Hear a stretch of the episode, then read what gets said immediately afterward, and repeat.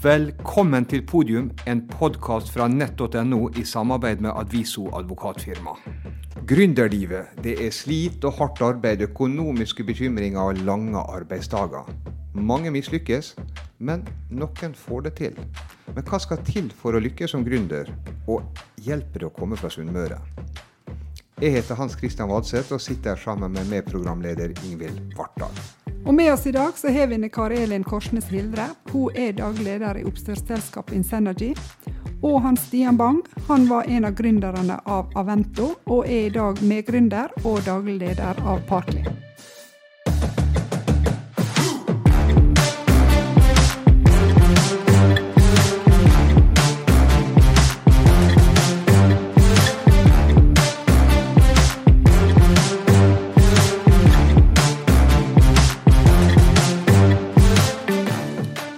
Stian, du sitter med enda djupere stemme enn vanlig fordi du har stilt her i studio med influensa. Takk for at du, du er så sporty. Eh, du gründa og bygde opp Avento, og nå er du i gang med et nytt gründereventyr, Parkly. Kan du si veldig kort, hva er Parkly? Uh, Parkly det er et uh, proptech-selskap som jobber med mobilitet. Hovedideen var egentlig å utfordre de tre store aktørene innenfor parkering. Eh, litt tilfeldigheter som gjorde at vi begynte med akkurat det. Men i bunn og grunn så vi at det var noen små, nei, store aktører som dominerte markedet, eh, med relativt gammeldagse forretningsmodeller. De tok seg grovt betalt fra kundene sine. Og de utnytta egentlig ikke alle de digitale mulighetene som samfunnet tilbyr i dag. Altså en rivende utvikling. Eh, og Parkering kommer ikke til å være i fremtida, det er parkering historisk sett har vært. Og det er på en måte en av våre konkurransefortrinn. Vi skal gå inn og bruke teknologi til å revolusjonere denne bransjen. Og dette er så interessant at både Norgesgruppen og Timepark, som er eid av Tongruppen, nå er kommet inn på eiersida. Det stemmer. Eh, så det er jo på en måte en viktig milepæl for oss. Det er jo på en måte det sementerer på en måte at det vi holder på med, er bra. Vi har på en måte blitt benchmarka mot resten av markedet. og i tillegg så vil det gjøre at vi får en god del kunder på kjøpet. Så. Kari Elin, uh, Insynergy, hva er det de driver med? Insynergy er et uh, cleantech-selskap som utvikler og leverer grønne energiløsninger. Uh, første omgang nå så er markedet vårt, uh, målgruppa vår havbruksnæringa. Eh, og der har vi utvikla et flytende solkraftverk som heter Subsolar, som nå er klart for markedet. Du er jo ikke gründer sjøl, det er ikke din idé som, eh, som, utvikles. Gründeren er fortsatt sentral i selskapet. Men hva er din rolle da, når du ikke er gründer? I dag er jeg daglig leder for selskapet. Jeg tok over som daglig leder i september i fjor. Jeg begynte i selskapet i august i 2021, da som driftsansvarlig. Eh, det er selskapet vårt starta opp av gründerne i Plani-miljøet i Haugsbygda, i samarbeid med Jan Erik Vågeklepp. Og en eh, oppfinner, Bjørn Helseth, som kom til deg med en god idé, som vi nå tar videre i en kommersialiseringsfase nå. Og begge dere har bakgrunn fra store virksomheter. Kari Elin, du kommer fra Kongsberg og Rolls-Royce. Stian, du har også vært i, i, store virksomheter. Hva er det som skiller gründervirksomheter fra store selskap? Hva er de største forskjellene? Nei, eh, Rolls-Royce og Kongsberg Maritime er jo store selskap med veldig eh, etablerte både prosesser, prosedyrer, system. Eh, fantastisk nettverk, og jeg har hatt det utrolig kjekt når jeg jobber der. Eh, det som var fristende eh, med å kunne få en mulighet til, til å begynne i Insynergy, det var jo å få bygge noe fra scratch. Eh, og det har vi jo klart å gjort. Eh, nå er vi ti ansatte. Eh, og alle de tar eierskap til å bygge våre prosesser, prosedyrer, vår kultur. Ikke sant? Og det er det som er så fantastisk eh, med å starte opp i Insynergy. For min del vil jeg si den største forskjellen kanskje er farta. Altså I en stor organisasjon så er det tyngre prosesser, ting tar lengre tid. Skal du flytte det fra A til B, så tar det lang tid. I et oppstartsselskap så er du, du er mindre, det er kortere måte, vei mellom dem som er helt på gulvet og dem som sitter på toppen av selskapet, og du flytter det veldig mye fortere. Så det er en, det er en vesentlig forskjell. I tillegg så er det sånn at i et oppstartsselskap så er du som regel som gründer, så eier du også. Så det er en stor forskjell. I et stort selskap så er du Det er alltid noen over det til å dele problemene dine med. Mens i et lite selskap så eier du problemer, du eier det 24-7. Det er ingen plass å gjemme seg. Eh, I tillegg i et stort selskap så har du veldig mange du kan spille på lag med. Det er alltid noen du kan komme og spørre, det er alltid noen som har en funksjon som er spesialister på et eller annet. I et uh, gründerselskap og et lite selskap så må du finne ut alt dette sjøl. Og i forhold til farta som du nevner, Stian, så er det vel også en stor verdi akkurat i oppstartsfasen. Det at en kan kjøre den farta som er nødvendig for å få en posisjon i markedet, eller? Ja, det er, det, jeg er veldig enig i det du sier, Stian, med, med korte beslutningsveier og fart, for det må du ha. Eh, og, og så har vi snakka litt om det i forhold til at alle må ha flere hatter på seg. Eh, jeg har fått gjort ting i Insynergy som jeg ikke i min villeste fantasi hadde forestilt meg at jeg måtte gjøre eller ta ansvar for. Men det har vært utrolig gøy, utrolig givende og veldig krevende. Altså, jeg får jo lyst til å spørre, kan, kan, du gi et eksempel på en sånn ting som du aldri hadde sett for deg at du skulle komme til å gjøre, og som du nå har gjort? Et veldig godt eksempel er at jeg sitter her i dag. jeg hadde aldri forestilt meg at jeg skulle sitte her i en podkast eh, og snakke med dere om dette her. Men, men, i hverdagen så handler det jo mer om at du må Jeg kommer fra eh, å ha porteføljeansvar for eh, stor portefølje i dekkmaskineri. Men eh, å, å, skulle opptre i media og snakke med, med presse og, og, på denne måten som vi, vi gjør nå, eh, har vært spennende, men litt bratt lærekurve for meg. Eh, alle gründerselskap begynner vel med en idé, og så skal den forvaltes og den skal kommersialiseres.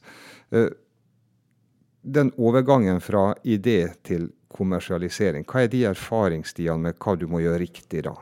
Nei, Det begynner jo litt det vi snakka om i forhold til fart. da, for du, du, må på en måte bevege deg fort. Og så er det alle går inn i dette her og er litt sånn overoptimistisk og tenker at jeg har verdens beste idé, og det er kun jeg som har den. Uh, og så oppdager man at det er faktisk fem andre som holder på med akkurat det samme, og så bruker man så lang tid at det er kanskje fem til som kommer inn under veien. Så man må på en måte hele tida innovere, da, og det er sjelden at det som var den initielle ideen når du begynte, er faktisk det du ender opp med å gjøre. Um, og så er jo det da det overgangen fra det å ha denne farta og finne ut hva produktet ditt skal være, til at du faktisk skal begynne å selge det, og du skal begynne å ta vare på kundene dine over tid osv., den er ganske tøff. For da må du på en måte ha en struktur i bunnen for å få det til. da. Uh, og struktur i et stort selskap struktur i et lite selskap er to ulike typer ting. da. Du må ha en struktur i et lite selskap òg, men den må ikke være så rigid at du faktisk tar livet av farta og veksten din. da. For har ikke du den strukturen, så vil du begynne å slite den dagen du skal levere produktet ditt. Og du vil definitivt slite den dagen du skal faktisk selge dette selskapet ditt, hvis du ikke har det til bunnen. Og det er tungt for en gründer. Da Da går du fra å være den som leker og har det gøy på jobb hver dag, til at du skal begynne å eh, lage struktur som egentlig du stritter litt mot å gjøre. Ja, jeg veldig, kjenner meg veldig godt igjen i det du sier. Og, og det å jeg tenker Det er veldig viktig å gi den enkelte og så er jo ti stykker nå i selskap, men å gi den enkelte ansvar, og da oppnå eierskap fra den enkelte, tror jeg er enormt viktig for å kunne ha den farta som vi trenger.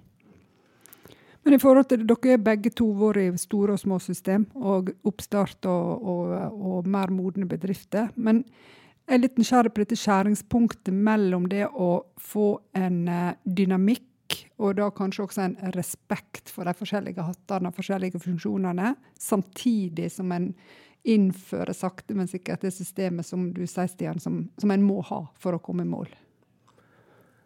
Jeg kan si for vår del, jeg syns det å skalere strukturen var mye lettere enn det å skalere kulturen. Uh, skalere systemet er på en måte, det kan du kjøpe ut av, og vi har masse ingeniører som kan fikse det. men det å få folk til å gå i takt og adoptere tankesett, det er ganske vanskelig.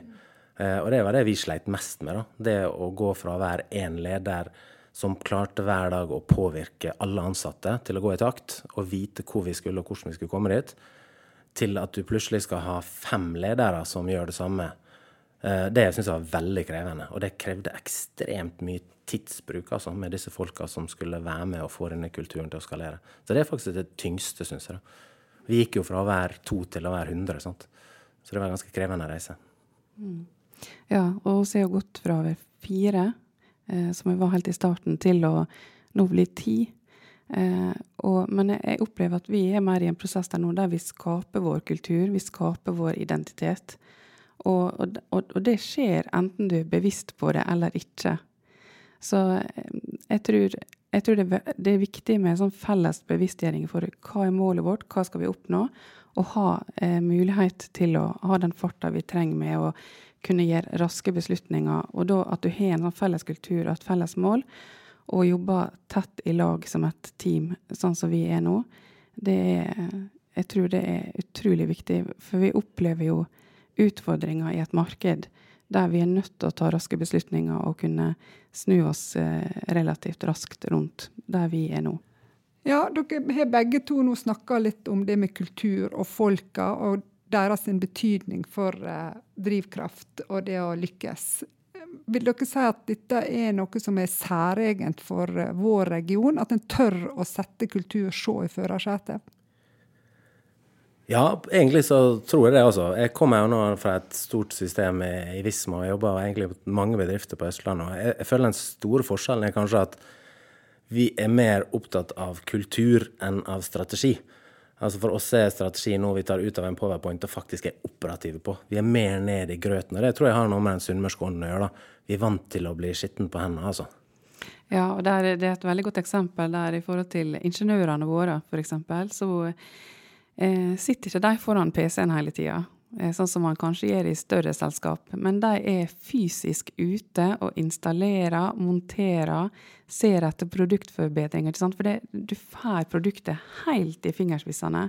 Og da kan du gå tilbake til PC-en og optimalisere. ikke sant?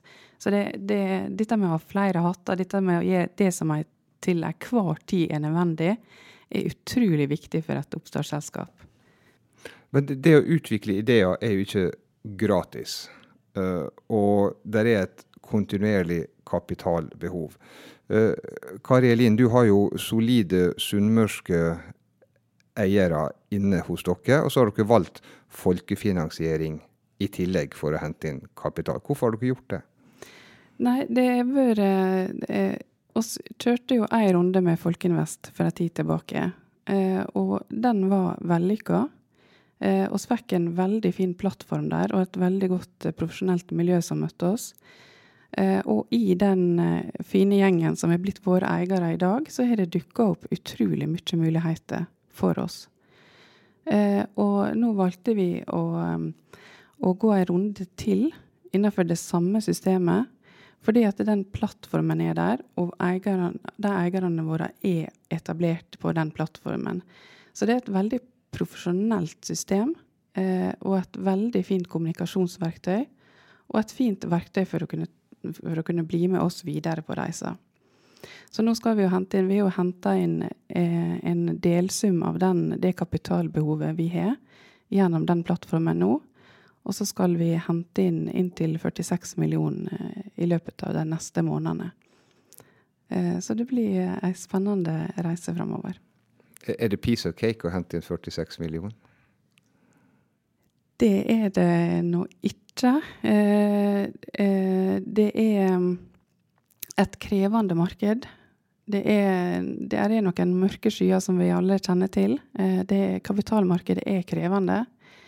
Men vi opplever at, at det er stor interesse for selskap som oss som nettopp kan tilby noe konkret og håndfast innenfor grønn energi spesielt.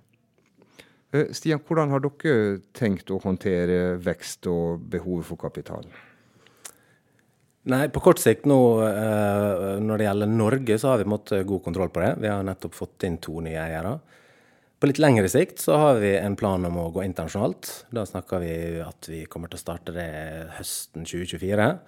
Eh, og da har vi allerede begynt nå å tenke på den finansieringa, for det er veldig mye lettere å hente penger når du ikke trenger dem, enn når du faktisk står der og trenger dem. Så vi har ganske langsiktig perspektiv på det. da. Ellers kan jeg si at for vår del i Norge så hadde vi nettopp nå en emisjon eh, for vår satsing i Norge, og henta inn Norgesgruppen og Olav Thon-gruppen. Og min anbefaling ville vært hent kompetent kapital. Eh, for i tillegg til at det gir oss i dette tilfellet kunder, så gir det oss også troverdighet. For en av de største utfordringene som gründer det er egentlig at du har en helt fersk merkevare. Du har ikke referansene som alle de andre har. Og det er å på en måte bygge merkevarer og gi den troverdighet som du automatisk får når du har Ton og Norgesgruppen på eiersida, ekstremt viktig. Um, så har man en god nok historie som man selger, og jeg tror det handler om en historie i mye større grad enn et Excel-ark og noen tall. Man må bygge en historie, en innpakning som, og en reise som folk har lyst til å være med på da er det ganske greit å hente kapital. Eh, jeg så en Jan Tore Holen i Konta, som også er et, et gründerselskap. De kan jo for første gang nå vise til, til eh, overskudd og, og, solide tall. Han sier at du må ha med eiere som, er, som forstår og er villige til å tape penger ei stund. Er det en forutsetning for å lykkes som gründerselskap? Jeg tror det er veldig viktig å ha med seg solide eiere som, eh, skjønner, eller som har en uh, strategi om å være med in, in the long run. Eh, og det er vi glad for at uh, vi også har. og det, jeg tror, jeg er veldig enig i det du sier, Stian. Jeg tror det er veldig viktig at det, for oss for Insynergy nå, så ønsker vi jo at det skal komme inn eiere som tar en litt større ticket. Med, med kompetanse, kapital, nettverk, nettopp innenfor de markedene vi satser på. Eh, og jeg tror det er viktig, viktig, å ha eiere innenfor det markedet som man satser på også. Nå, hvis vi er heldige nå, så sitter det noen lyttere nå og googler på dere og ser om dere er et uh, godt investeringsobjekt. Stian? Jeg har vært med på to ulike reiser i forhold til å hente penger. Da. I Avento så henter vi aldri en eneste krone. Og vi har aldri en eneste måned gjennom 20 år der vi gikk med underskudd. Uh, og, men perspektivet var heller ikke å selge selskapet. Vi hadde noen sånn veldig enkle perspektiv når vi gikk inn i det. Vi skulle ha verdens mest fornøyde kunder, vi skulle ha det kjempegøy på jobb. Eh, og så la vi stein på stein. Aldri på en måte et mål om at vi skulle bli kjempestore fort og selge det. Eh, og det er et eller annet behagelig med det òg, for du har et mye riktigere perspektiv på det du holder på med. Det er mye lettere å ta de gode beslutningene hver eneste dag enn når du sitter i et gründerselskap som er finansiert av eksterne. Du føler et voldsomt press på det du skal levere på kort tid, eh, og du skal ut av dette. Eh, så to ganske ulike typer eh, reiser.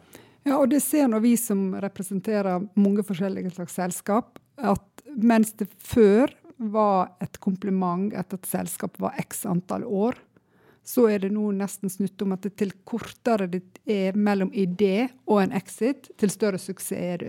Og dette skjæringspunktet, både i forhold til kultur og investorkapital, det ser vi at det er veldig forskjellige kulturer som møtes i det mindsettet. Og innenfor teknologi, som du er en del av, Stian, så er vel det med en rask exit kanskje der det er mest fremtredende. Jeg tror problemet, eller muligheten for den saks skyld, i dag, det er at verden flytter seg så utrolig fort. Altså Der vi kunne få lov å holde på i 20 år tidligere, så får ikke du lov til det du, du er disrupta lenge før du har kommet så langt. da. Så du har på en måte mye dårligere tid på det. Tidsvinduet er kortere. Hvor, hvor, lang tid føler du at Insynergy har på seg, Kari Elin, til å, å bygge selskapet dit som, som, dere vil ha det? Det er litt vanskelig å tidfeste det, men vi har jo begynt å selge eh, produktet vårt nå. Det flytende solkraftverket vårt, eh, Subsolar. Men så er det litt eh, mørke skyer på horisonten. Eh, så kom egentlig ganske brått på eh, i fjor høst og det er nå denne her eh, berømte lakseskatten. Eh, og klart som en leverandør til havbruksnæringa, så påvirker det oss. Det, det, han snakker kanskje mye om at det, han skal ta noen store laksebaroner. Eh, men, men, det er ikke det som er realiteten.